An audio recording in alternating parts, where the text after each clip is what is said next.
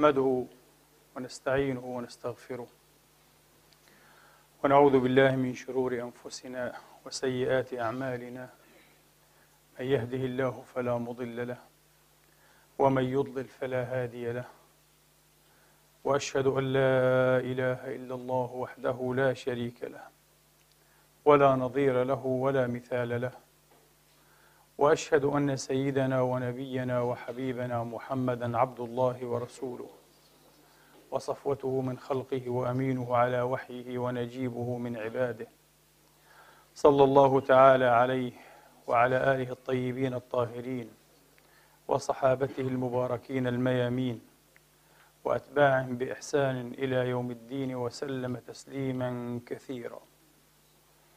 عباد الله أوصيكم ونفسي الخاطئة بتقوى الله العظيم ولزوم طاعته.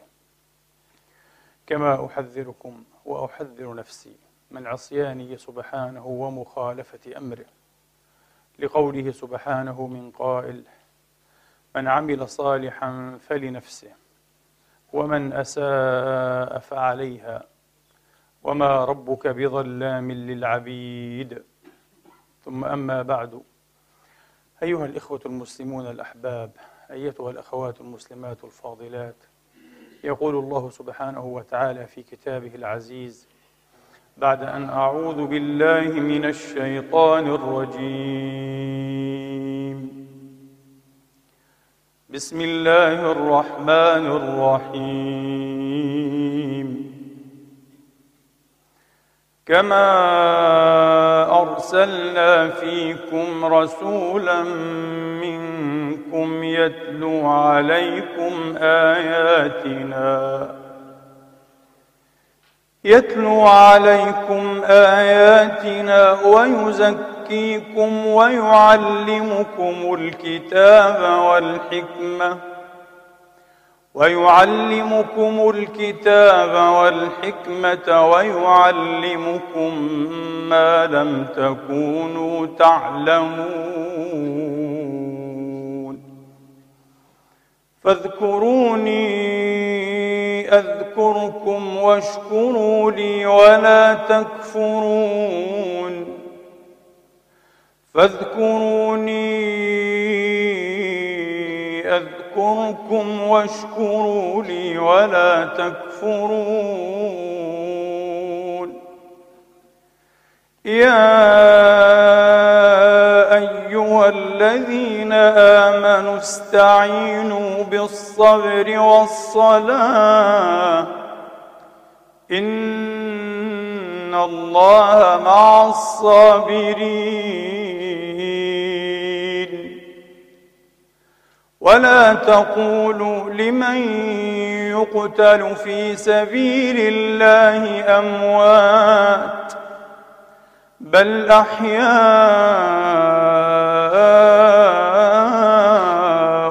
ولكن لا تشعرون ولنبلونكم بشيء من الخوف والجوع ونقص من الأموال والأنفس ونقص من الأموال والأنفس والثمرات وبشر الصابرين الذين إذا أصابتهم مصيبة قالوا قالوا إنا لله وإنا إليه إنا لله وإنا إليه راجعون. أولئك عليهم صلوات من ربهم أولئك عليهم صلوات من ربهم ورحمة. وأولئك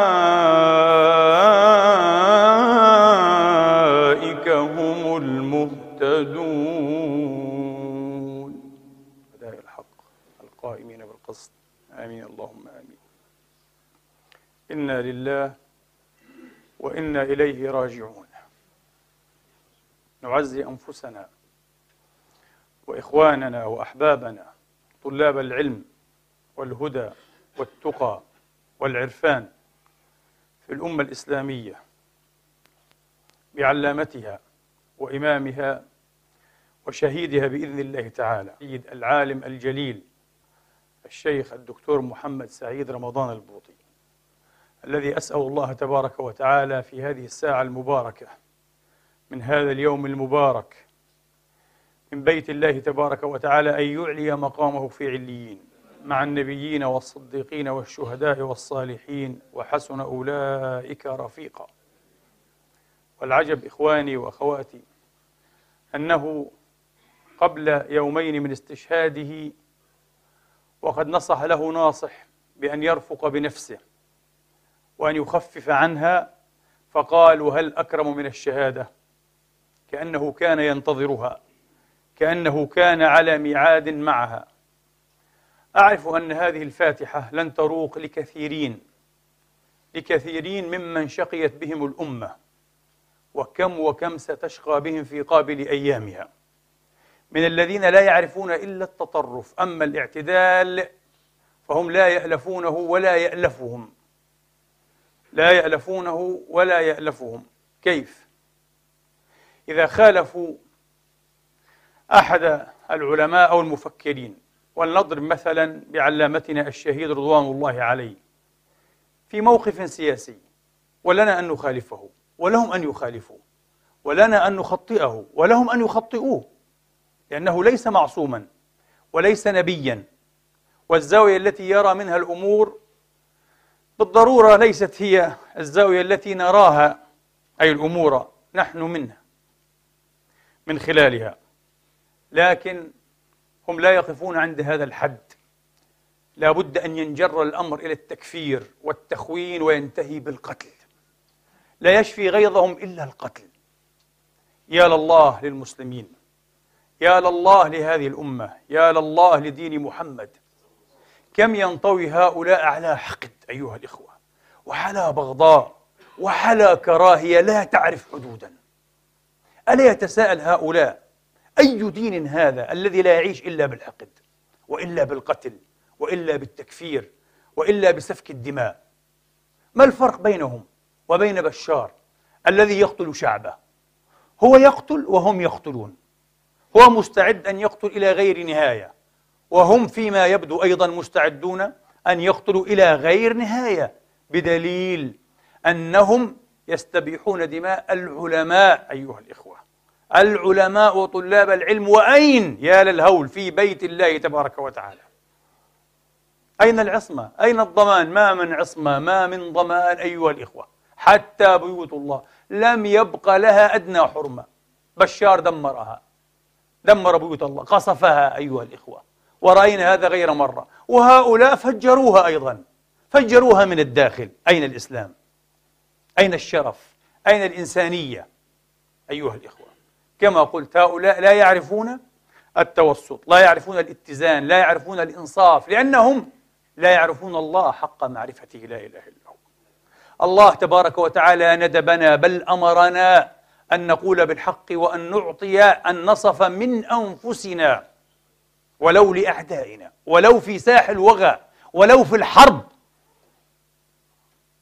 لم يشفع له ماضيه الطويل أيها الإخوة في العلم والتقى والهدي والعرفان. لم يشفع له عند هؤلاء. لم يعودوا يرون فيه أيها الإخوة. لن أقول هذه الكلمة لأنه لا يستحقها حتى في معرض ضرب الأمثال. إلا شيئا يستحق القتل. يجب قتله وسفك دمه وسفك من أحبه وتعلم منه وجثى بالركب بين يديه ينهل من معين علمه رضوان الله تعالى عليه. يا للعجب يا للهول يا للمصيبة يا للكارثة التي تحدق بهذه الأمة إخواني وأخواتي. لماذا نؤبن هذا العلامة الجليل الذي حق للأمة أن تتساءل أي عالم فقدنا. أي عالم فقدنا. البوطي اسم ورمز وعنوان فارق لا يتكرر كل يوم أيها الإخوة والأخوات. لا يتكرر وهذا لا يعرفه إلا من عرف العلم. أما من يمتحون من معين البغضاء والكراهية والغطرسة والعنجهية والتكفير لا يعرفون هذا. بوطي ماذا؟ بوطي من؟ يسبونه يلعنونه ويقتلونه. بوطي من؟ من؟ هؤلاء لا يقيمون وزنا لشيء أيها الإخوة. شيء غريب. إن على هذا المنبر الذي أسأل الله أن يباركه خطب شهيدنا السعيد بإذن الله تعالى. خطبة اقتبس فيها حديث نبيه صلى الله عليه وآله وأصحابه وسلم تسليما كثيرا. أن أخشى ما يخشاه صلوات الله عليه وتسليماته وتبريكاته فتيان حدثان الأسنان. أي فتيان صغيري الأسنان أولاد كما نقول غلمان. لم يشيبوا في العلم ولا في العبادة ولا في العرفان. يجلس أحدهم في بيته ينشر مصحفه ثم يخرج مستلا سيفه يقتل جاره. يستبيح الدماء باسم القرآن بسم الله. خوارج خوارج العصر. في محرابه قضى عمر بن الخطاب. وكنت عقدت العزم على أن تكون خطبة اليوم عن عمر كما وعدتكم في الخطبة السابقة. ولكن جاء النبأ الصاعق أيها الإخوة. فحول المجرى وحول الهم وحول الاهتمام. وفي مسجده سقط غدرا الإمام علي عليه السلام أيضا. دفاعا عن ماذا؟ عن الإسلام. عن إسلامهم هم. عن إسلام الخوارج. ولا أصفهم بأكثر من هذا. عن إسلام من دينهم كما قلت الكره والبغضاء كره الإنسانية. كره الإنسانية يكرهون البشر يكرهون الناس. سلاحهم هو البغضاء والسب والشتم واللعن وسفك الدماء. لا يعرفون إلا هذا. لست متفائلا. مع تنامي هؤلاء أيها الإخوة وتنامي خطابهم باسم قضايا الأمة وباسم تحرير الأمة وباسم وباسم وباسم لست متفائلا. ليس المهم أيها الإخوة أن يسقط طاغية فقط ليس المهم فقط أن يسقط طاغية المهم الذي يأتي بعد الطاغية. هذا الطاغية أيها الإخوة باسم كذا وكذا من الأيديولوجيات والأحزاب ولكن هذا طاغية باسم الدين ألعن. طاغية باسم الدين سيكون ألعن أيها الإخوة لأنه يقتلك وهو مغتبط بقتلك. كما ورد عن رسول الله عليه الصلاة والسلام أن من قتل مؤمنا أو قال مسلما مغتبطا بقتله. من هو الذي يقتل مسلما؟ معصوم الدم أيها الإخوة فضلا عن يكون عالما إماما. لا يتكرر بسهولة في كل زمان وفي كل مكان. ويغتبط يفرح أيها الإخوة يفرح بقتله. هو هؤلاء الخوارج الذين يقتلون باسم الله باسم الدين. باسم الأمة باسم القرآن. يقتلون فرحين. هو يقتل نفسه يفجر نفسه كهذا الملعون الذي فجر نفسه. لعنته أم لم ألعنه؟ هو ملعون حتما. ما من أحد ما من مجنون يمكن أن يعطي فتوى لأحد إلا أن يكون مجنونا. أيها الإخوة بأن يفجر نفسه في بيت من بيوت الله في ليلة جمعة في درس تفسير لكتاب الله. الدرس كان في التفسير لم يكن في السياسة.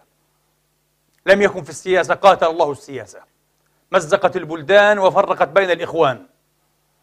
قاتل الله سياسة العرب وسياسة المسلمين. مزقت البلدان. ويبدو أنها لا تعرف إلا هذا. وفرقت بين الإخوان. في المسجد الواحد وفي البيت الواحد. وفي المسجد الواحد. أيها الإخوة. تقتل عالما فتقتل معه وبقتله زهاء ثمانية وأربعين أي زهاء خمسين. ويصاب بجراحات مختلفة الدرجات زهاء تسعين لا يهمه. لو سقط كل من بالمسجد المهم أن يسقط هذا الذي أوصافه عندهم كذا وكذا وكذا. شيء غريب. ولو بحثنا احتمالا عن سيرة هذا القاتل لوجدناه بالحري شابا في العقد الثالث من عمره. شاب في العقد الثالث من عمره. ابحثوا عن ماضي. أنا أؤكد أنه أكثر من 90% سيكون خريج خمارات أو بيوت دعارة. واهتدى قبل سنة أو سنتين. وعلم أن الإسلام هو لحية مرسلة وجلباب كميش وسواك يوضع. بدل قلم العلم أيها الإخوة وتكفير للعلماء وللأمة واحتقار وغطرسة وكراهية. صحيح سبقتموني. يا رجل مثلك يقتل البوطي. لكن أمثاله قتلوا عمر وعليا وعثمان بن عفان. قتلوا الجلة من أصحاب رسول الله. ما من مشكلة. لماذا؟ لماذا لا يحدث؟ مثل هذا المجنون وبالحري هو مجنون قطعا هو مجنون. لا يمكن لأحد عنده ذرة من عقل أيها الإخوة أن يغامر بقتل العشرات من الموحدين في بيت الله ويظن أن له الجنة. مستحيل مستحيل لو كان عنده ذرة من عقل. هو يعلم حتما أنه مخلد في أطباق جهنم. ومن يقتل مؤمنا وأي مؤمن قتلت؟ مؤمنا واحدا. أي مؤمن الله يقول مؤمنا أي مؤمن. من عرض الناس متعمدا فجزاؤه جهنم خالدا فيها وغضب الله عليه ولعنه وأعد له عذابا عظيما. وخلي هذا الملعون الذي أفتاك يشفع لك عند رب العالمين غدا. هو سيسبقك إلى التردي بين أطباق جهنم. هو أمثاله. ممن لا يقيم الله لهم وزنا.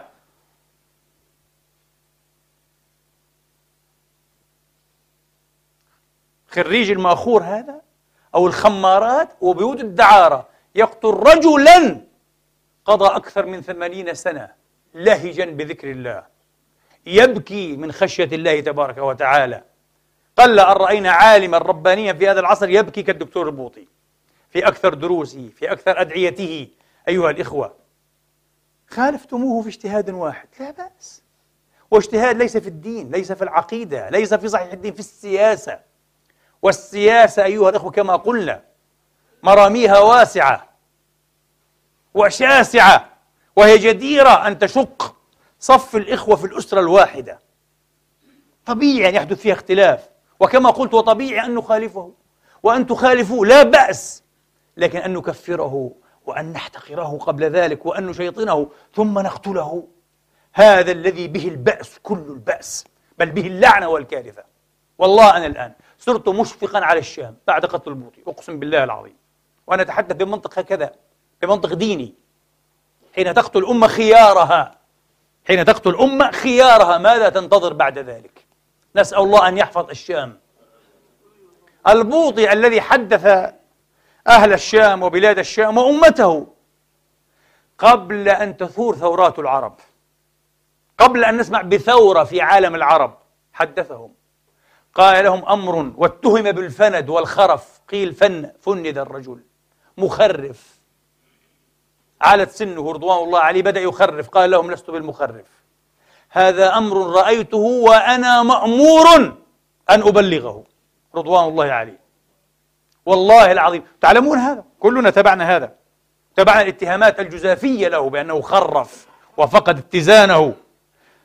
والبوطي رجل عقلاني.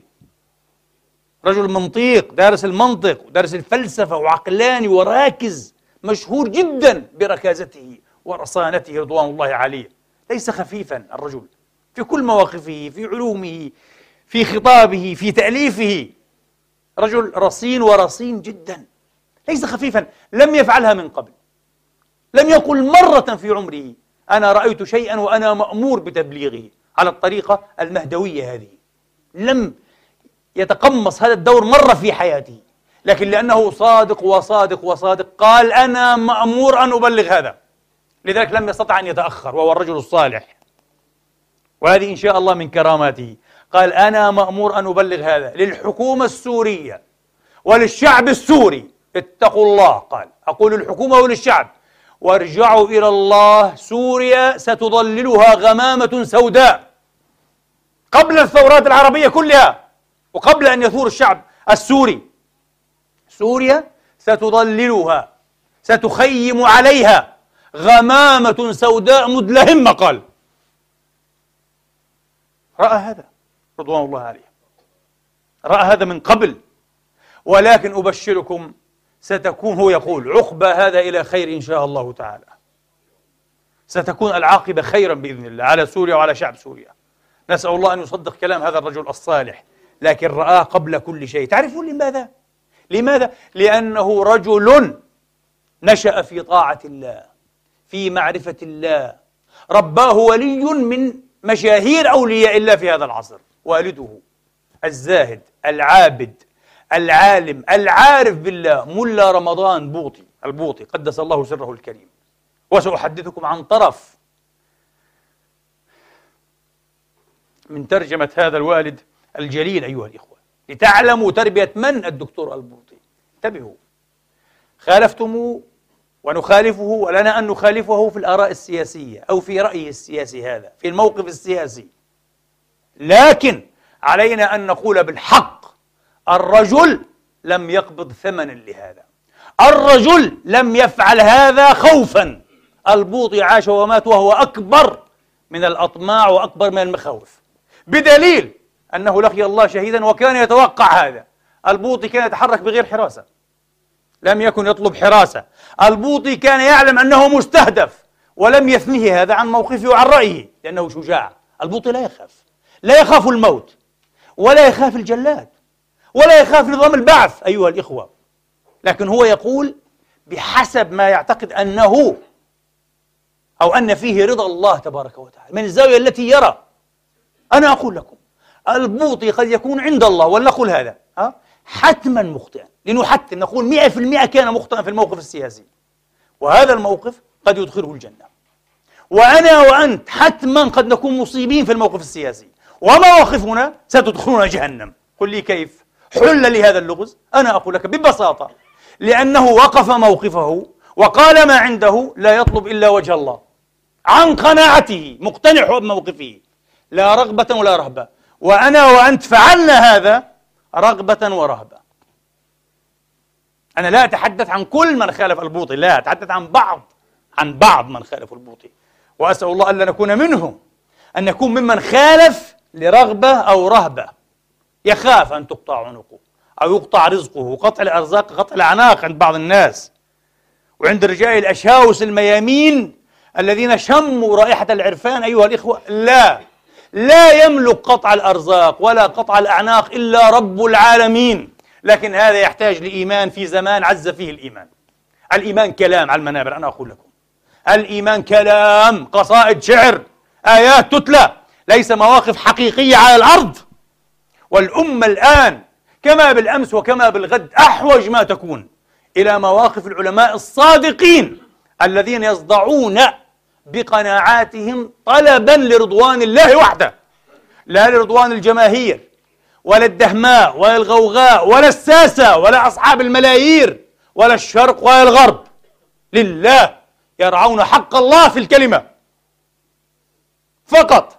لذلك وإن أخطأ أيها الإخوان أقول لكم إن كان وهذا يقيننا بإذن الله. لا أقول هذا ما نرجحه لأننا سنحدثكم الآن عن طرف مما عرفنا عن هذا الرجل ومما عرف غيرنا.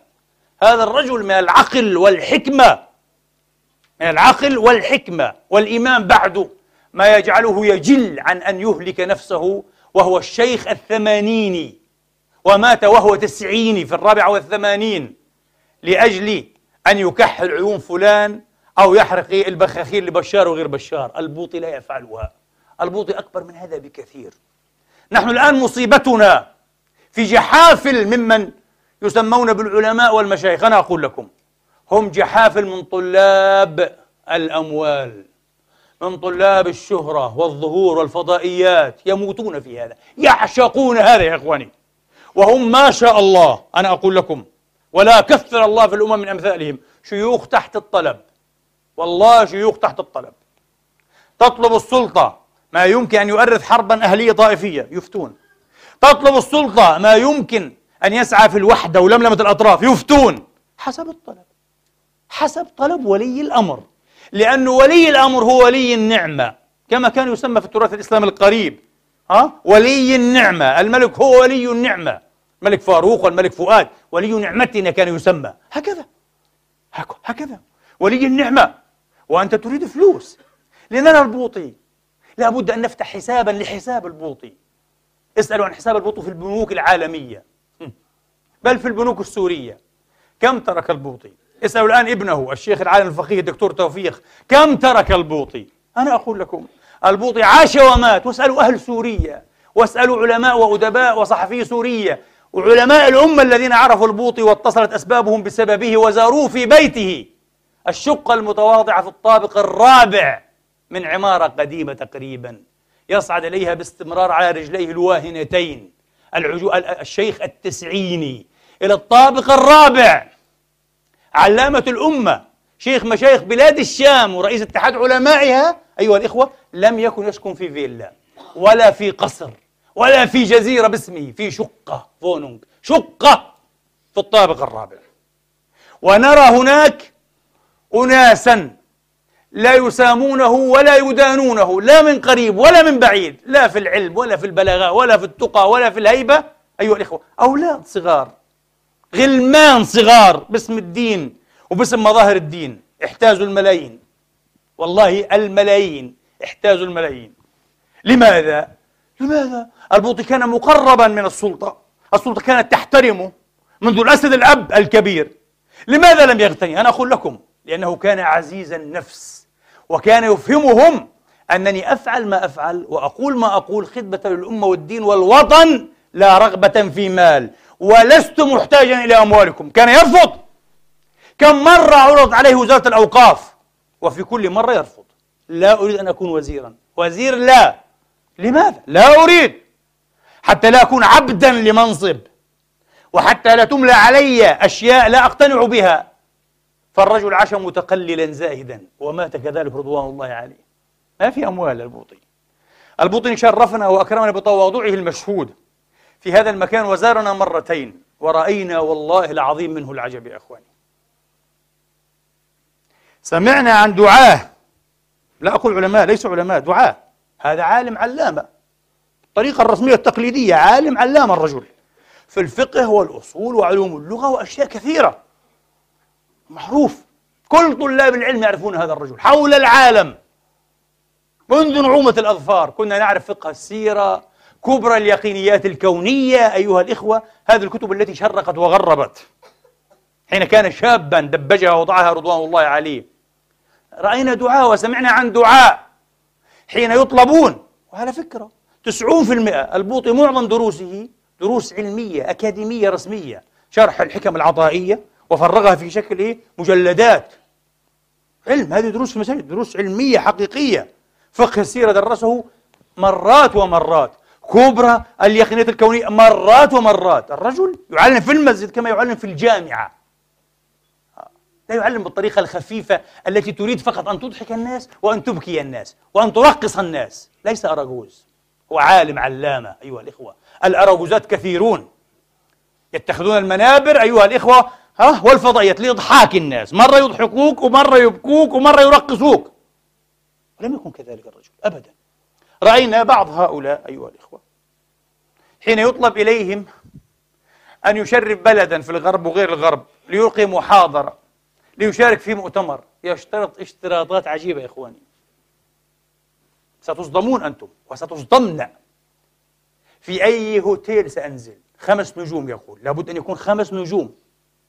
أي سيارة ستقلني من المطار إلى الهوتيل من الهوتيل إلى مركز المؤتمرات لن تكون سيارة موديل السنة. والله العظيم. والله ما افتريت كلمة. أقسم بالله أحكي الحقيقة. وكم ستعطونني على كل محاضرة؟ والله هكذا يشترطون. ونوعية الأكل. لا آكل إلا أكلا خاصا. ما أنت أنت, أنت دعيت بيل جيتس يعني. ولا مش عارف نش... نتساخف. فإذا اعتلى المنبر وجلس أمام الكاميرا بدأ يتكلم عن الزهد وعن زهد الصحابة الأجلاء وزهد الأئمة العرفاء ويبكي ويتباكى ويبكي. ما هذا الكذب؟ ما هذا الدجل؟ ما هذا اللعب بالأمة؟ البوطة لم يكن يفعل هذا. لا يجيده لا يحسنه لم يتربى عليه. تربى على الإخلاص والصدق منذ نعومة أظفاره وسأتلو عليكم طرفا من هذا طرفا عجيبا. أما البوطي حين شرفنا بكل تواضع ترك دروسه في دمشق الفيحاء دمشق الشام التي كان يغص بها المسجد والمساجد بالألوف. دروسه بالمتوسط يحضرها أربعة آلاف في المتوسط. والله العظيم جاء هنا ولقد اصفرت وجوهنا. ويحضر له في مسجدنا مئتان مئتان وخمسون. أبدا يتكلم كأنما يتكلم في أربعين ألفا نفس الشيء عنده. وكان سعيدا جدا. وقال يا سيدي بأدبه وتواضعه هكذا يقول الكل يا سيدي يا سيدي يا سيدي كلما دعوتموني أنتم بالذات أنا لبيتكم. والله العظيم شوف التواضع العجيب. وسمعنا عن بعض الهوائيين دعي إلى محاضرة في جامعة فلما جاء رأى مئات متواضعة العدد. قال لا وهذه إهانة وجن جنونه وخرج مغضبا وألغى البرنامج. كيف أنا الداعي؟ داعي لا يعرف يتكلم كلمتين. كيف أنا الداعية الفلاني؟ لكن البوطي لا البوطي امتداد للسلف الصالحين. بالعكس ربما كان يكون أسعد حين يقل العدد. ولذلك رأيناه واعترف بهذا. قال يا سيدي أنا زرت الشرق والغرب. لم أجد رقة وباعثا على البكاء يدفعني دفعا كما وجدته هنا عندكم. وكان يبكي في أكثر محاضرات. يجد نفسه مع قلة قليلة من الناس. يحبهم ويحبونه في الله. أرادوا أن يتعلموا بصدق منه يجد نفسه ويجد قلبه يبكي. لا يغضب! أنكم بضع مئات وأنا تركت الآلاف. يحرصون على علمي ودروسي. وتفرغ هذه الدروس وبنزلوا سديهات وكتبا. أبدا أبدا لا لا. امتداد للسلف. امتداد لسفيان الثوري. سفيان الثوري حين كان يكثر المجلس يقوم. يقول لا فتنة. فتنة! كثرة الطلاب عند العالم فتنة! واليوم يطلبون تكثير الطلاب وتكثير الناس. اليوم حتى صفحاتهم على الإنترنت حكي لنا من جهات وجهات. ها يزورون الأعداد. بدل أن يكون مئة ألف أقول لك عندي خمسمائة ألف. ويشترون الاشتراكات. إنه أنا مطلوب. star يعني star star. تعرف كلمة star يعني؟ شيء عجيب يا إخواني. شيء عجيب. لكن البوطي لم يكن هكذا. لم يكن مرة هكذا. وقلت مرة لأحبابي حاول أن تعود إلى أرشيف البوطي. اسمعه حين يتحدث بين يدي الملك الحسن ملك المغرب رحمه الله. وبين يدي إخوانه العلماء في المؤتمرات وهي كثيرة بالمئين هو شارك في مئات المؤتمرات حول العالم في الشرق والغرب. لأنه كان نابغة من ناحية علمية منذ نعومة منذ شبابه الباكر. الرجل كان نابغة رحمة الله عليه علميا. آه. اسمعه وهو يتحدث بين يدي الملوك. وهو يتحدث بين يدي أمثالنا. وناس عاديين بسطاء جدا. والله العظيم يا إخواني وأنا أقسم على منبر رسول الله الحديث نفسه اللهجة نفسها الطريقة نفسها الاقتباس لا يتغير. نفس الطريقة بنفس الأسلوب نفس المقدمات. وهناك من يتغير كثيرا جدا بمقدار المخاطب. إذا خاطبك أنت خاطبك من علن وبخطاب فيه غطرسة وتكلف وأستذى وادعاءات وتكلفات كثيرة. أما إذا خاطب من هم فوقه خاطبهم بتوسل وإذعان وإحترام زائد. هذا الكذب؟ ماذا الكذب؟ البوطي لم يكن يحسن هذا. لم تكن هذه سيرة البوطي أيها الإخوة. لماذا الآن السؤال؟ لأن البوطي هو ابن الرجل الصالح ابن العالم العامل العارف بالله. ملا رمضان. وما أدراكم ما ملا رمضان؟ رجل كردي من بلاد الأناضول من جزيرة بوطان. أيها الإخوة في الأناضول الكبير ألهمه الله تبارك وتعالى أن يترك بلاده وجزيرته العامرة بطلاب العلم المذهب الشافعي والأشعري والعامرة بسير الأولياء والصلاح والعرفاء وينحدر إلى بلاد الشام إلى دمشق. ولا يدرى لماذا؟ لماذا اختار دمشق؟ لم يختر مكان آخر. هكذا. وبدأ يشتغل الرجل وكان ورعا جدا.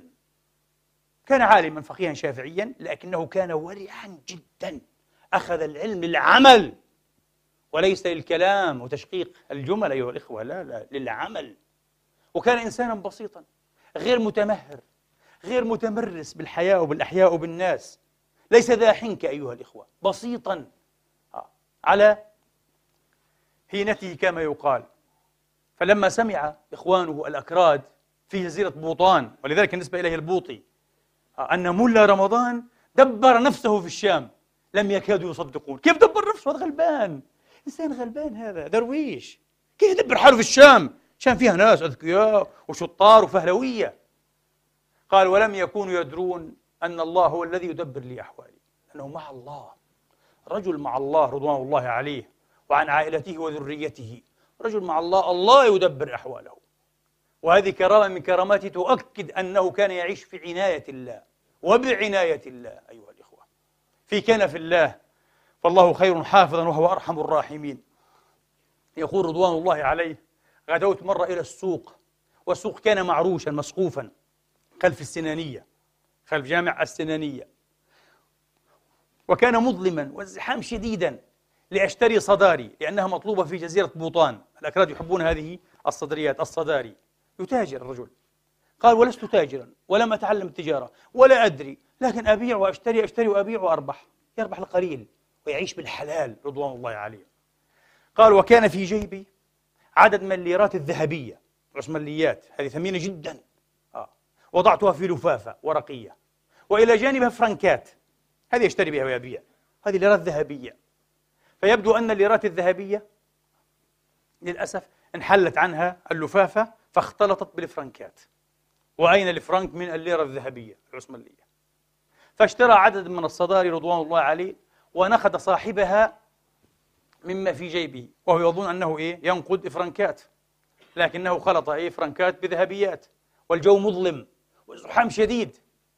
آه عد له ثم مشى قال فلم ألبث يعني أن مشيت ربما عشر خطوات عشرة أمتار وإذا بشاب حليق مطربش يلقاني مبتسما. ويأخذ بيدي ويقول يا شيخنا ماذا اشترى شيخنا لنا اليوم؟ تعال معي. دون أن ينتظر الجواب أخذ بيدي وعاد بي مباشرة إلى البائع الذي كان إيه؟ لم يفتح يده عما فيها لسه. هكذا ربما إيه؟ يساوم أناسا آخرين. فقال له أعد إليه ذهبياته. فالبائع استغرب. ذهبيات ماذا؟ وفتح يده مستغربا. قال ذهبيات. قال أعدها إليه قال البائع اندهش وأنا وقعت إيه في دهشة. عجيب ما هذا الشأن؟ كيف؟ وأي ذهبية هذه؟ فعلم بعد ذلك. قال فبين أنا أسترجعها وأنا غارق في دهشتي نظرت عن يميني ثم عن شمالي لم أجد الشاب المطربش. والآن السؤال عندكم من هو هذا الشاب الحليق المطربش؟ وكيف عرف؟ أرأيتم كيف يرعى الله أولياءه؟ كيف يرعى رجاله كيف يربيهم على عينه؟ هذا ملا رمضان رضوان الله عليه.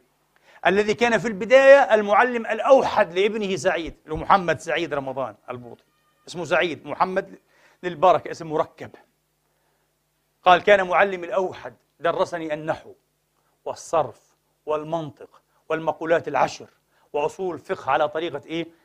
السبكي الصغير له تاج الدين عبد الوهاب وشرح جمع الجوامع السبكي للإمام المحلي قال هذا درسته على والدي درسته على والدي ولما افتتح الشيخ العلامة المجاهد حسن حبنك الميداني رضوان الله عليه معهده الشرعي وكان معهدا أهليا الذي صار بالمعهد صار يعرف بالمعهد مباشرة أرسلني إليه كأصغر تلميذ بين طلابه كلهم بين العشرين والثلاثين ها. والشيخ البوطي كان طفلا صغيرا وقال لي يا بني يا بني لو كنت أعلم أن طريقك إلى الله تبارك وتعالى أن ما يقربك وما يدنيك إلى الله يكمن في كسح القمامة.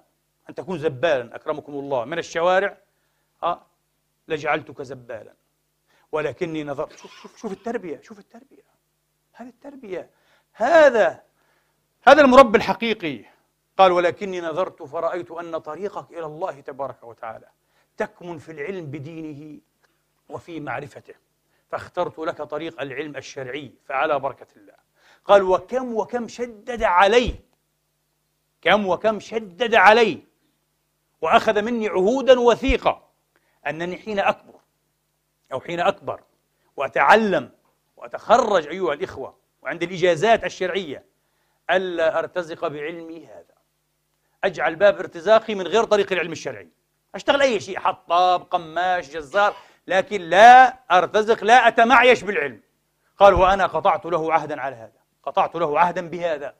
تربية تربية حقيقية وناس صالحون طيب بعد ذلك أيها الإخوة يذهب الشيخ البوطي رضوان الله عليه إلى الأزهر يتخرج من الأزهر يعود يعلن عن مسابقة للتدريس في الثانويات.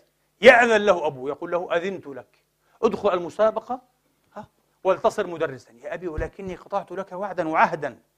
قال يا بني أنا فعلت هذا عن قصد. لماذا؟ حتى لا تدخل نيتك. أردتك حين تطلب العلم وتتدرج في طلبه أن يكون قصدك وغايتك رضاء الله أن يكون قصدك وغايتك رضاء الله تبارك وتعالى. لكن لو انطويت على مثل هذه النية أنك تريد أن تصبح أستاذا ومدرسا وترتزق بهذا تفسد النية. ويصبح طلب العلم لغير وجه الله. في العصر هذا نسمع عن أمثال هؤلاء نعم. هذا الذي قتلوه. هذا الذي سفكوا دمه واغتبطوا بسفك دمه. هذا الذي قتلوه حتى بعض الذين أنكروا والحمد لله حتى المعارضة استنكرت قتله واعتبرتها جريمة نكراء. ما في الكل استنكر قتل هذا العلم الجليل الرمز الفارق في الأمة أيها الإخوة. لكن بعضهم جعل يمزج بين الرثاء والتأبين وبين الشماتة. بين الشماتة. لا. ما هكذا؟ ما هكذا تساس الجمل أيها الإخوة ما هكذا يعبر؟ على كل حال. يحدثنا أيضا الشيخ البوطي رحمة الله تعالى عليه عن شيء من كرامات والده العجيبة التي كان هو طرفا فيها. يقول قبل وفاته بنحو سنة ونصف. ذهب إلى بلودان ونزل ضيفا على صديق من أصدقائه يطلب أن نقاها من مرض ألم به. كبير. شيخ تسعيني كان رضوان الله عليه. من مرض ألم به. بل لعله كان في شرخ المئة. لأنه جاوز المئة كل رمضان رضوان الله عليه. قال وكانت عادتنا منذ البداية منذ بداية حياة الشيخ البوطي الإبن الدكتور سعيد. كل يوم بعد صلاة الفجر نجلس ما تيسر ونتلو وردا آيات قرآنية وحديث وأذكار يوميا. لا نفرط في هذا. لا نفرط في هذا مطلقا. قال جلسنا في غرفة مطلة على شرفة تحتها للجيران لأصحاب البيت. جلسنا وأنجزنا هذا الورد. وبعد أن طلعت الشمس وإذا بالباب يطرق. وإذا هن بنات الجيران. قلنا عجيب. ألم تروا الطيور العجيبة التي رأيناها؟ لا تزال تخرج إيه؟ من غرفتكم. آه. لا تزال تخرج من غرفتكم. نحو ساعة طيور كثيرة جدا تخرج وتذهب إيه؟ تشق أجواز الفضاء. ما رأيتموها؟ قلنا نحن في الغرفة ما رأينا شيئا لكننا كنا في ذكر الله تبارك وتعالى. يا الله يا الله. شو الكرامات العجيبة؟ كرامات لهم. وحتى يرى الناس أن هذه عائلة مباركة. عائلة يتقبل الله منها وعنها أحسن ما عملت. ونسأل الله أن يتجاوز عن سيئات في أصحاب الجنة. وإن شاء الله هم كذلك. لماذا؟ تعرفون لماذا؟ يقول شيخنا الشيخ الشهيد السعيد رمضان البوطي رضوان الله عليه قبل وفاة والدي بأربعة أيام دخلت عليه غرفته بعد صلاة الفجر لأطمئن على صحته لأنه كان في حالة حرجة. قال دخلت عليه فوجدت وجهه متهللا منيرا. فقلت له ما بك يا والدي؟ أراك متهللا؟ قال يا بني لقد رأيت رؤيا الليلة لئن صحت وكانت حقا كما رأيت فهي بالدنيا والآخرة. قلت يا ولدي حدثني بها ماذا رأيت؟ رضوان الله عنهما. قال يا له من أب ويا له من ابن يا إخواني. قال يا بني رأيت كأني في عرصات القيامة كأن القيامة قد قامت والناس موقوفون للحساب. وإذا بي أوقف بين يدي الله تبارك وتعالى. وإذا به يخاطبني فيقول لي يا فلان قد كنت معظما لي في الدنيا فاليوم أكرمك أنت وذريتك. أي أيوة والله أي والله قد كنت معظما لي في الدنيا فاليوم أكرمك أنت وذريتك. ورأس الذرية هو مولانا الشيخ سعيد رمضان البوطي قدس الله سره الكريم. رأس وتاج هذه الذرية. الشيخ رمضان البوطي الشيخ سعيد رمضان البوطي. سمعته مرة هنا حين كان قد شرفنا في فيينا. يحدث أحدهم. كنا في الفندق. آه، فيقول آه، أين فلان؟ كأنها ابنته أو زوجه لا أدري. قالت ليس ليس هناك. قال لها قول له سعيد اتصل. سعيد رمضان كان سعيد. من سعيد؟ شوف التواضع. نحن الآن نرى ما شاء الله بعض الناس لا يتحدث عن نفسه إلا بالشيخ. يقول يقول قال الشيخ طب إذا الشيخ عدنان تكلم. تشيخ نفسك يا أخي. يشيخ نفسه ويدكتر نفسه وبالألقاب دائما. آه. نفترض الدكتور عدنان قال الشيخ عدنان إيش إيش إيش الغطرسة هذه؟ إيش الفراغ النفسي هذا؟ إيش الصغار النفسي هذا؟ البوطي يقول لها سعيد. فكأنها سألته سعيد من؟ قال لها سعيد رمضان البوطي. ففهمت عليه. لا يقول لها الشيخ البوطي ولا الدكتور محمد سعيد ابدا. سعيد. قل لها سعيد اتصل به. تواضع. والله. والله في تلكم الجلسة بعينها. آه جرى بيني وبينه حديث علمي. وجيز. فقد فذكرت له. قلت له عبد الحي اللكنوي. قال من هذا يا سيدي؟ قلت له ألا تعرفه؟ أنا استغربت. هذا عالم هندي كبير علامة إمام من أئمة الحنفية أيها الإخوة. ومات قبل أقل من 100 سنة. آه. عن أكثر من 150 مصنفا. معروف عبد الحي اللكنوي قال لا أعرفه. هي تواضع البوطي. صدق البوطي. لا يدعي أنه يعرف كل شيء. وأن أبدا أبدا. شيء يعرفه يقول لك أعرفه. شيء لا يعرفه لا أعرفه. الصدق. الصدق الصادق. تعجبت أنا. كان درسا لي. درسا لي في الصدق والتواضع. النبي يقول المتشبع بما لم يعطى كلابس ثوبي زور فرأيت رجلا لا يتشبع بشيء لم يعطه الله إياه. أبدا أبدا. ما في دعاوى ما في مزاعم ما في انتفاخات. الصدق الصادق رضوان الله تعالى عليه. أحله الله في أعلى مقامات جنات النعيم. اللهم آمين يا الله. اللهم آمين. ما ترك القاتل على المقتول من ذنب. ما ترك القاتل على المقتول من ذنب. تقتل مسلما؟ تبوء بأثامه جميعها. ويلقى الله أبيض بفضل الله مصفا فتعسا لك وسعدا له. فتعسا لك أيها القاتل وسعدا له. إلى ديان يوم الدين نمضي وعند الله تجتمع الخصوم. هكذا. قال لما أتممت الثامنة عشر من عمري ألح أبي في تزويجي. فرغبت عن ذلك. يا, يا أبتي ليس لي رغبة في الزواج. قال لابد أن تتزوج يا بني. قال وجعل يتلو عليه فصولا من إحياء الغزالي رضوان الله عليه. الزواج مهم ومفيد وطريق إلى الله وكذا وتحصين للعين والفرج والزواج قال حتى أقنعني. وأنا أعلم قلة ذات يده. قال والدي فقير متقلل ما عنده شيء الرجل. كيف يزوجني؟ قال ثم خطب لي أخت زوجته وكانت تكبرني ببضع سنين. ولكن ليس عنده إيه؟ ما يدفع مهرا. تجهيز. الباء ليس عنده. قال فاضطر والدي أن يبيع بعض أعز ما يملك الكتب. اضطر أن يبيع بعض كتبه العلمية حتى يزوج ابنه. قال لكن أكثر ما أثلج صدري وأفرحني وأبهجني أنه دخل علي بعد أسبوع من زواجي وكان صلى الصبح جماعة في المسجد فجاء يطرق الباب ويقول أنت نائم؟ أنت نائم والبشائر تنهل عليك يا سعيد. أنت نائم بصوت عال قال ففزعت من نومتي وفتحت له. قال وكرر هذه الجملة أنت نائم والبشائر تنهل عليك. قلت أبشر خيرا رأيت يا أبتي خيرا رأيت. فقال رأيت قبل صلاة الفجر يا سعيد اليوم رسول الله. شوف العائلة شوف العائلة. رسول الله صلى الله عليه وآله وأصحابه وسلم في لفيف من أصحابه. يخاطبني يقول لي جئنا لنهنئ سعيدا بزواجه. رسول الله وأصحابه جاء ليهنئ الدكتور سعيد رمضان البوطي بزواجه. والده الرجل الصالح الولي العارف هو الذي حدثه بهذا.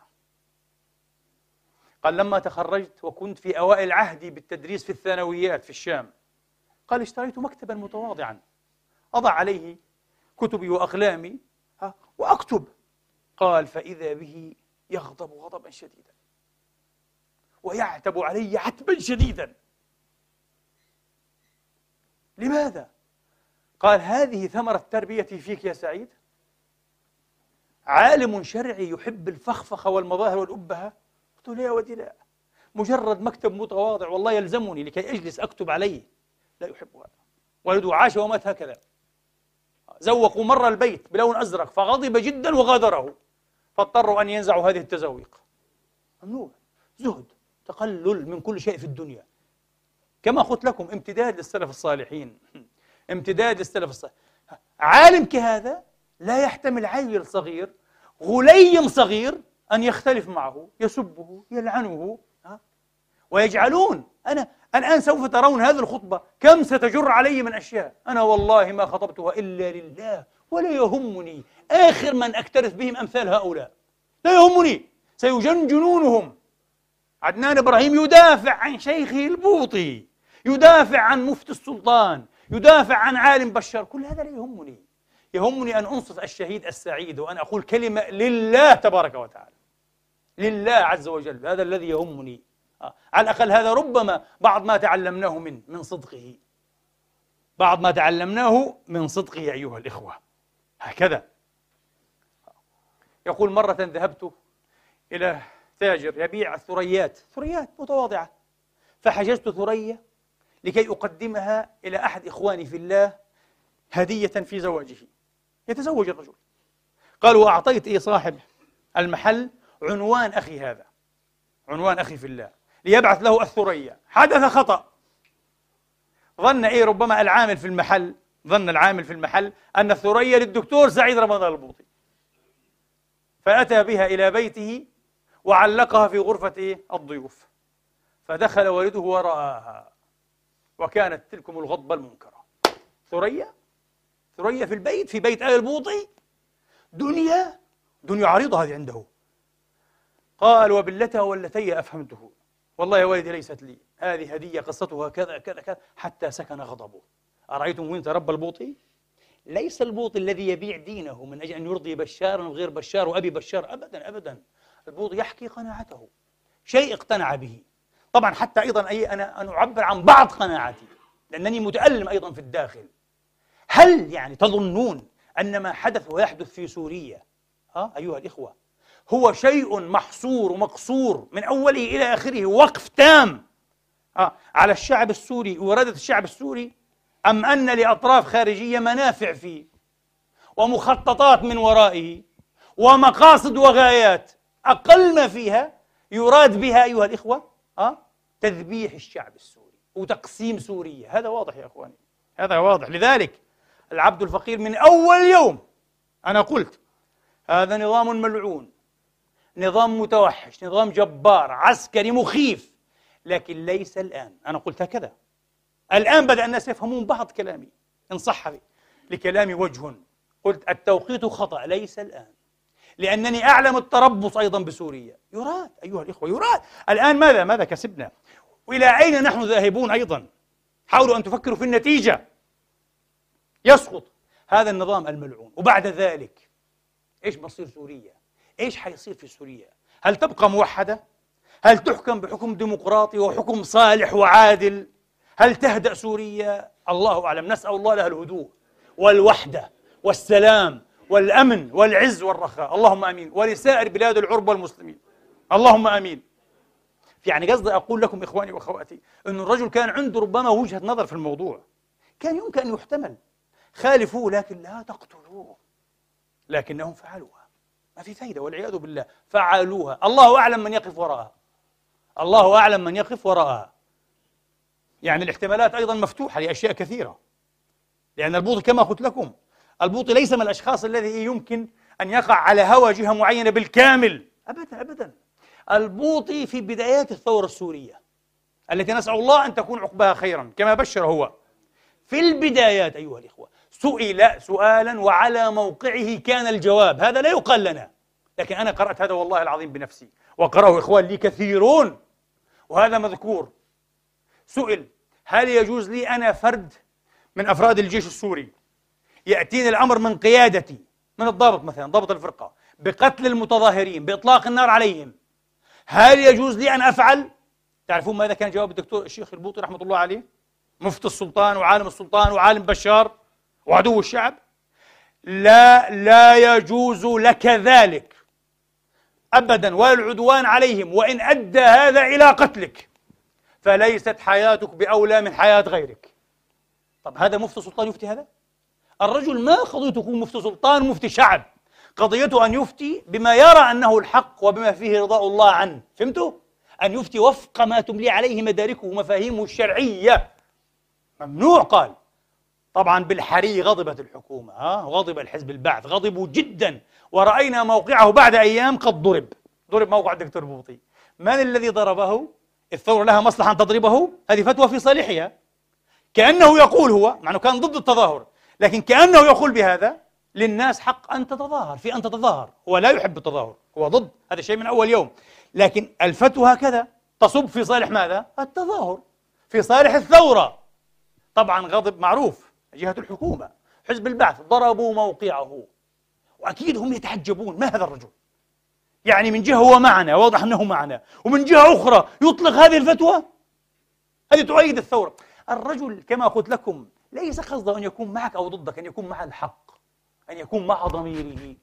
حين يلقى الله كما لقيه الآن نسأل الله أن يسعده بلقائه. ها؟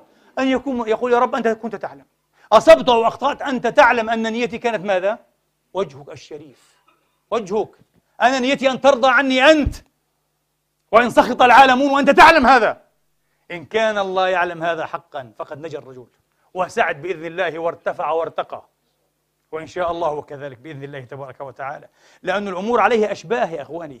حياة الرجل كلها في زهده وتقواه وعرفانه وت... وتواضعه تؤكد هذا. الرجل لم يكن يوما دجالا لم يكن بياعا للفتاوى لم يكن قصاصا مفصلا خياطا للفتاوى لم يكن يوما كذلك يا إخواني. وإن اختلفنا معه واختلف الناس معه في أشياء كثيرة ثم عاد معظمهم بعد ذلك إلى رأيه. ما رأيكم؟ إيه وأنتم تعرفون ماذا أعني.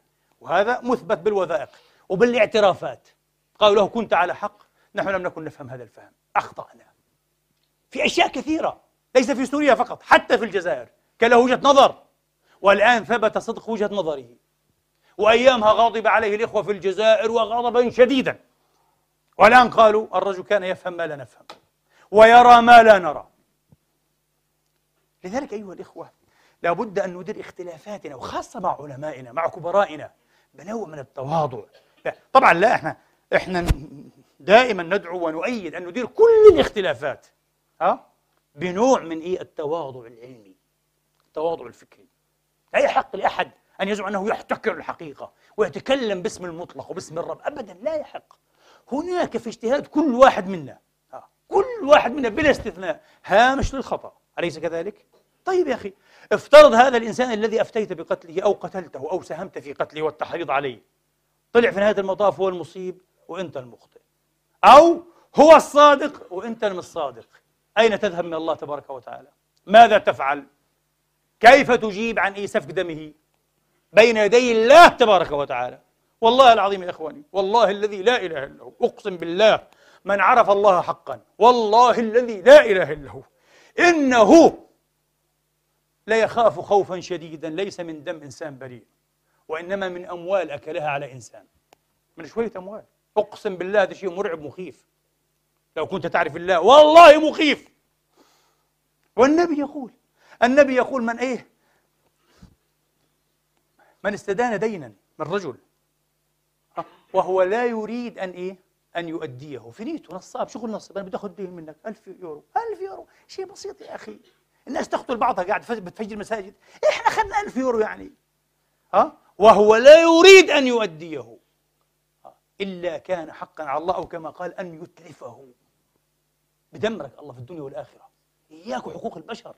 شوية أموال تافهة. كيف بالدماء يا إخواني؟ كيف بالأعراض؟ كيف بالأعراض؟ كيف تقول عن رجل عارف بالله؟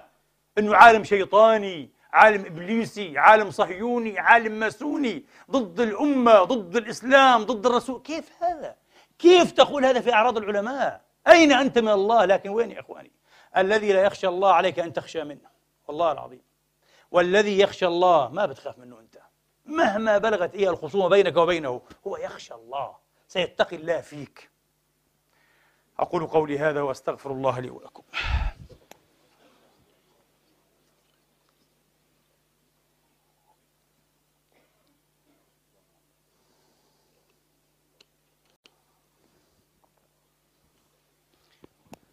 الحمد لله. الحمد لله الذي يقبل التوبة عن عباده ويعفو عن السيئات ويعلم ما تفعلون ويستجيب الذين آمنوا وعملوا الصالحات ويزيدهم من فضله. والكافرون لهم عذاب شديد. وأشهد أن لا إله إلا الله وحده لا شريك له وأشهد أن محمدا عبده ورسوله. صلى الله تعالى عليه وعلى آله وأصحابه وأتباعه بإحسان وسلم تسليما كثيرا. إن كان يريد أن يعلم الذين قتلوا العلامة البوطي أو الذين حرضوهم على قتله أنهم أوجعونا وأحزنوننا طبعا انتبهوا بين قوسين. مثلا واحد مثلي العبد الفقير لست سوريا. لست بعثيا وأكره هذا الحزب الملعون أيها الإخوة. لا علاقة لي بالنظام السوري ولا برجال النظام السوري ولا بإيران ولا بر... ولا بأحد. بفضل الله معروف عني هذا. ولو كان علي واحد في المليون غير هذا لافتضحت في العالمين طبعا. معروف عني بفضل الله. لكن لماذا أخذ هذا الموقف؟ أنا أدافع عن عالم رباني من علماء الأمة الكبار. قل نظيره. وظيفتي أن أفعل هذا. وظيفتي أمام الله. والله لو سكت. لكنت شيطانا أخرس أقسم بالله. وطبعا السكوت بالحسابات الدنيوية الرخيصة أفضل لي. لكن إن شاء الله ألا أكون من أصحاب الحسابات الدنيوية الرخيصة. هذه الخطبة ستغضب كثيرين.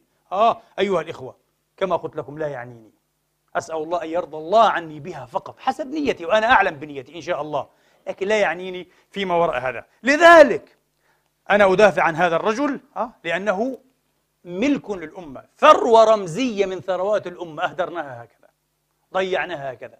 أقول لهؤلاء الذين قتلوا وحرضوا إن كنتم تريدون أن تعرفوا أنكم أوجعتمونا والله هددتم أركاننا. أوجعتمونا جدا أقسم بالله. والله العظيم أوجعتمونا أحزنتمونا حزنا لا يعلمه إلا الله وحده لا إله إلا هو. ولكن مغالب الغلاب يغلب والله غالب على أمره ولكن أكثر الناس لا يعلمون. هل ترون علامتنا الشهيد السعيد قضى قبل أوانه وأجله بلحظة واحدة؟ لا والذي سمك السماوات بغير عمد. والله العظيم مات في وقته أقسم بالله. ولكن الله شرفه وأبى إلا أن يشرفه بأن يموت ماذا؟ شهيدا. قتيل. الظلم والظلامية والتكفير والتفجير والكره والبغضاء والتقسيم والتواطؤ أيها الإخوة. لأنه ما ما يمكن ما يمكن سوري شريف أن يفعل هذا إلا رجل متآمر على شعبه وعلى دولته على أمته وعلى هذا الدين وعلى رجالات هذا الدين. العجيب أن البوطي في آخر خطبة له سبحان الله في الخطبة الأخيرة في آخر جمعة له في الأموي دعا إلى المصالحة. وقال لهؤلاء أيها الإخوة جميعا عاد بما فيهم الثوار الصادق الصادقون والثوار المنتفعون والثوار المندسون والثوار المتآمرون. ما خلطة خلطة فظيعة هذه. يوم تحدثنا قبل شهر في حديث بعد صلاة الجمعة أنه ما ما يجوز قتل الأسرى. قتل الأسرى لا يجوز. بعض الناس كيف ولكن؟ قلت لهم ما في لكن في أحكام شرعية. كيف أنت جيش حر تقتل الأسرى؟ كيف قتل الأسرى هذا يا أخي؟ تقطيع الرؤوس. أي دين هذا؟ كيف تطلب النصر من الله؟ والحمد لله قبل أسبوع الجيش الحر يلتزم ويعتذر عن قتل الأسرى. اعترفوا بنفسه يعني. يا إخواني خلوا عندكم ضمير وعقل. لا تبع نفسك لأحد. بمعنى إيه؟ يعني إذا أنت شيء مقتنع به قوله. وإن أغضب الناس. شيء غير مقتنع بتشوفه بخالف شرع الله تبارك وتعالى قول لا. أنا مع الثورة بس بصراحة قتل الأسرى هذا لا يرضي الله ورسوله. هذا عمل إجرامي. كيف سنكون إحنا أفضل من بشار وجيش بشار؟ هم يقتلون كل شيء. يدمرون كل شيء هم. نصبح مثلهم برابر هكذا وحوشا. إذا أردنا نصر الله أيها الإخوة لابد أن نتقي الله. لكن نتصرف بطريقة الشعب ما يميزش مين الأظلم ومين الألعن. والله هذه لعنة أقسم بالله. لكن بفضل الله الجيش الحر نفسه قبل أسبوع تقريبا أو عشرة أيام اعتذر.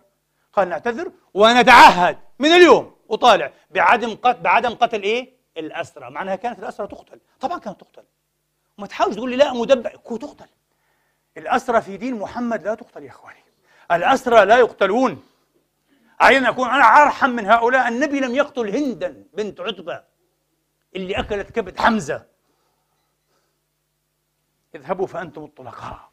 هند وجوز هند وابن هند وكلهم. اذهبوا فأنتم الطلقاء. يلا. هذا هو؟ هل تعلمنا هذا محمد أم أنه كلام فقط على المنابر؟ ما تعلمنا ما تعلمنا هذه الرحمة. آه. البوطي في آخر خطبة قال كلمة. أنا متأكد هذه الكلمة لا تسعد النظام. وبالحري أغضبت النظام. قال أقول لهؤلاء أنتم اجتهدتم اجتهدتم فخرجتم واجتهدتم فتسلحتم واجتهدتم ففعلتم ما فعلتم والآن بين الصبح لذي عينين. وضحت الحقيقة عودوا إلى صفوف إخوانكم عانقوا إخوانكم تغافروا أو كلاما هذا معنى وتسامحوا. أنت تقول لهؤلاء طبعا السلطة لا يعجب هذا تقول لهم اجتهدتم فأخطأتم ولم يقل هذا فقط. قال اجتهدتم فأخطأتم وربما أثبتم. كل مجتهد مثاب. هذا لا لا يرضي النظام مثل هذا المنطق. هذا منطق فيه محبة فيه تسامح فيه إغضاء فيه كرم. هم ليس عندهم هذه العقلية. هل فهمتم؟ ولذلك البوطي قضى الله أعلم من الذي يقف خلف اغتيال هذا الرجل. لأنه إلى الآن ما من جهة تبنت الاغتيال من الذي اغتاله ولماذا؟ أيا كان فعليه لعائن الله متتابعة إلى يوم الدين. لكن الرجل بفضل الله ارتقى شهيدا سعيدا. أبى الله إلا إيه؟ أن يقضي البوطي وهو يعلم أن الآجال بيد الله. أختم. تعلمون لماذا؟ لأن والده حين كان في العشرين تقريبا ناهز العشرين حدثت له حادثة عجيبة. حدثها لابنه سعيد رحمة الله على الرجلين الصالحين. قال له يا بني حين كنت في نحو العشرين ألم بي مرض أشفيت منه على الموت؟ كان يموت. والناس دائما في الدار حولي من الأقارب والمعارف حولي. قال وذات يوم كأنه غم علي هكذا فرأيت رجلين يدخلان علي الغرفة. رجلا مهيبا عليه الهيبة والجلال. وخلفه رجل آخر كأنه معاون أو خادم له. قال توسمت الصلاح في هذا الرجل المهيب. والآن ستعلمون من هو هذا الرجل المهيب. قال فدنوت طبعا لا يستطيع أن يتحرك هو مريض يشفي على الموت. دنوت هكذا أريد أن آخذ يده لكي أقبلها اعتقادا في صلاحه. فنظر إليها كذا وقال ليس لنا غرض بك. جئنا من أجل جارك يا ياسين. ليس لنا غرض بك. جئنا من أجل جارك ياسين. وخرج قال فسري عني. قال فإذا بمن حولي يسألونني ماذا الذي فعلت يا رمضان؟ لماذا أردت أن تقبل الأرض؟ قلت لهم لم أرد أن أقبل الأرض لكن حدث معي كذا وكذا وكذا. قالوا آه عجيب. ما هذا الصوت؟ صوت صوت الناعية. ياسين ياسين. مات ياسين. الجار. الآن فهمتم من الذي دخل هذا؟ ملك الموت. ياسين ياسين. الصوات الناعي قالوا ياسين قبض مات. الرجل رأى ملك الموت وهو في الدنيا حي يرزق. قال ثم غم علي. أبدا كل هذا في دقائق. عشر دقائق ربع ساعة. غم علي. فرأيت الرجلين آه ذاتيهما عينيهما يعودان إليه. الرجل المهيب ومعه الخادم أو المعين هذا. وهذا الخادم يحمل هذه المرة مثل جلد حيوان على إيه؟ الله أعلم. هل هي النفس؟ هل هي الروح؟ إيش هذا؟ يحمل إيه؟ مثل جلد حيوان على كأنه صاده إيه؟ ها على ظهره. قال وفي هذه المرة تقدم هذا الرجل المهيب وأخذ إيه؟ بيدي. قبض علي بقبضته بقوة. يريد أن يأخذني. قال فخفت منه خوفا عظيما. واستغثت بأبي. يا أبي يا أبي. قال فأخذني أبي. قال فاستفقت. وأنا أصرخ. وأبي في حالة من الهول. والزوار. ما هناك يا رمضان؟ ما الذي يحدث؟ لماذا تصرخ؟ قال قلت لهم حدث كذا كذا عاد هذا الرجل. والآن عرفوا أنه ملك الموت. وأراد أن يأخذني. فقال والده رضوان الله عليه يعني جد الشيخ سعيد رمضان البوطي عاد والد رمضان ملا رمضان والده. قال يا بني حين استغث بي فهم فهم هذا ملك الموت. وشاف كيف ياسين مات. في لحظات. أسرة صالحة سبحان الله. قلوب صالحة. قال حين استغث بي نذرت في نفسي في ضميري لله نذرا. إن شفى الله ابني وأطلقه لي يحياه لي أن أتصدق بكذا وكذا رأس مال الغنم. فذهب الرجل مباشرة تركه. فتخيل البوط يسمع هذه القصص وهو صغير مع والده. فيعلم أيها الإخوة أنه لا يزيد في العمر إلا البر. لا يزيد في العمر إلا البر. وأن الأعمار في نهاية المطاف بيد الله تبارك وتعالى. ماذا تريد من هذه الأسرة من هذه الأصلاب الطاهرة أيها الإخوة؟ ها؟ من هذه القلوب النيرة من هذه النفوس الماجدة أن تخرج وأن تعلم. والآن علمنا أي عالم فقدته هذه الأمة أي رباني فقدته هذه الأمة أي عارف فقدته هذه الأمة. نسأل الله تبارك وتعالى بأسمائه الحسنى وصفاته العلى أن يبدله دارا خيرا من داره ومنزلة خيرا من كل منازله في الدنيا. وأهلين خيرا من أهليه وأن يعلي مقامه في عليين مع النبيين والصديقين والشهداء والصالحين. وحسن أولئك رفيقا.